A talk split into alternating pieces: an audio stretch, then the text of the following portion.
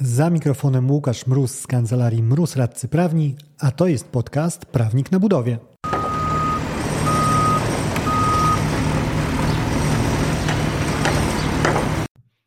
Prawnik na budowie. Podcast o wszystkim, co związane z budownictwem. Uwaga, może zawierać śladowe ilości prawa. Nazywam się Łukasz Mróz, jestem radcą prawnym i pomagam firmom budowlanym sprawnie prowadzić projekty. To kolejny mikroodcinek testowo przez dni 14, dzień drugi z 14, czyli krótki strzał treści. Tym razem ten strzał w okolicy odstąpienia. Jakiś czas temu, ładnych już lat, chyba już nawet naście, e, Sąd Najwyższy wydał taki wyrok, w którym przyjął, że jeżeli e, inwestor zamawiający odstępuje od umowy z uwagi na przeszacowanie terminu, powołując się na artykuł 635 kodeksu cywilnego, to może mieć duży ból głowy, jeżeli przestrzeli z oceną e, właściwego naruszenia terminu, czyli okaże się, że wcale e, wykonawca nie był w tak ciemnym lesie, jak przypisywał mu to zamawiający, przypisywał mu to inwestor. I e, stwierdził Sąd Najwyższy, że wtedy jak najbardziej odstąpi skutecznie zamawiający od umowy, ale zupełnie na innej podstawie prawnej, takiej podstawie, która przewiduje, że może on odstąpić do, w każdym momencie aż do ukończenia robót. Niemniej w takim przypadku będzie zobowiązany zapłacić wykonawcy umówione wynagrodzenie pomniejszone o zaoszczędzone przez wykonawcę koszty.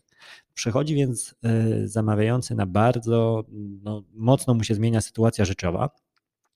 Okazuje się, że myślał, że skasuje umowę i będzie dochodził roszczeń od od wykonawcy i rzeczywiście skasuje, ale to wykonawca będzie dochodził roszczeń od niego.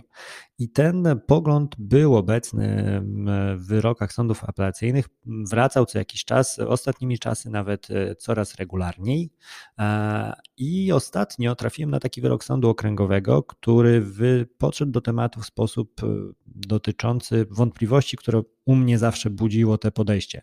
Mianowicie takiej, że no, jeżeli przyjmujemy, że ja jako inwestor chcę odstąpić od umowy, no to ciężko jest przypisać mi wolę odstępowania w sposób niekorzystny dla siebie, bo generalnie jest znacząca różnica między tym, że skasuję współpracę i e, obciążę wykonawcę kosztami, a tym, że skasuję ją i to ja będę obciążony. I przypisywanie zamawiającemu, klepanie takiego oświadczenia, że on, on miał taką wolę, no to jest e, dość tak, taki odważny krok, e, idący, nie ma co ukrywać, wbrew jego zamiarom często.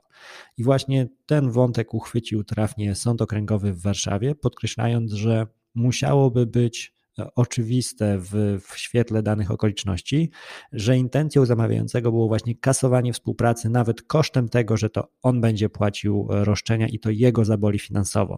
I w związku z tym w takim e, kontekście, okej, okay, ja jako sąd okręgowy w Warszawie godzę się, że mogłoby dojść do tego, że właśnie zmieniamy de facto podstawę prawną odstąpienia od umowy przez zamawiającego, ale tylko i wyłącznie z takim zastrzeżeniem. A te zastrzeżenie, umówmy się, rzadko kiedy będzie, e, będzie do wychwycenia, więc tutaj, e, o ile te stanowisko Sądu Najwyższego jest bardzo korzystne dla wykonawców, o tyle tak czysto obiektywnie bliżej mi jednak do, e, do tego podejścia Sądu Okręgowego, wskazującego, że ten strzał zamawiającego, jeżeli okazał się nietrafiony co do terminu, to jest kula po prostu, która gdzieś tam poszybowała dalej, a nie kula, która odbiła się rykoszetem w jego kolano.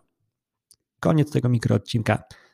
Jeżeli chcecie zapoznawać się z takimi treściami jak ta, zachęcam do subskrybowania podcastu. Natomiast jeżeli chciałbyś się ze mną skontaktować, zapraszam na mroz.kancelariamroz.pl, na LinkedIn, na profil Łukasz Mróz czy też na Facebook, na Instagram. Tam wpisujcie Prawnik na budowie.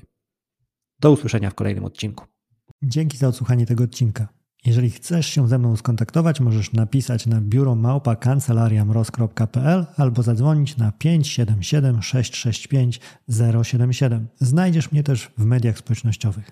Na LinkedIn jako Łukasz Mróz, a na TikToku, Facebooku i Instagramie jako Prawnik na budowie.